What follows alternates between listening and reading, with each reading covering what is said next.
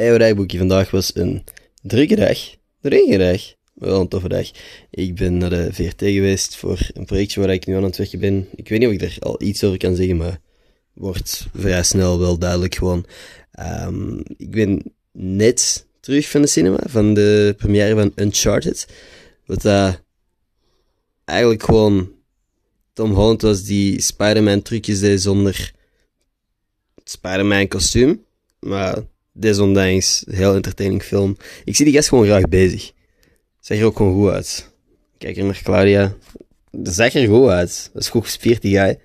Um, ik vond het een leuke film. Thanks trouwens aan Kevin. Die is degene die ons de tickets heeft gefixt, heel last minute. En dat heeft onze avond een pak interessanter gemaakt. Kevin underscore DC96, by the way, als iemand wil checken. Die heeft ook wat stories gezet van de première en zo. Dat is cool. Ik heb er gewoon niet aan gedacht om zelf iets van content te maken, omdat we eigenlijk al te laat waren. Hoe komt het dat we altijd te laat zijn? Anyway. Leuke avond. Ik heb me geamuseerd. Aanrader trouwens, die film. Ik wil ook nog... Wat is er? Death on the Nile wil ik zien. En er is nog een film momenteel in de cinema die ik graag wil zien. Licorice Pizza.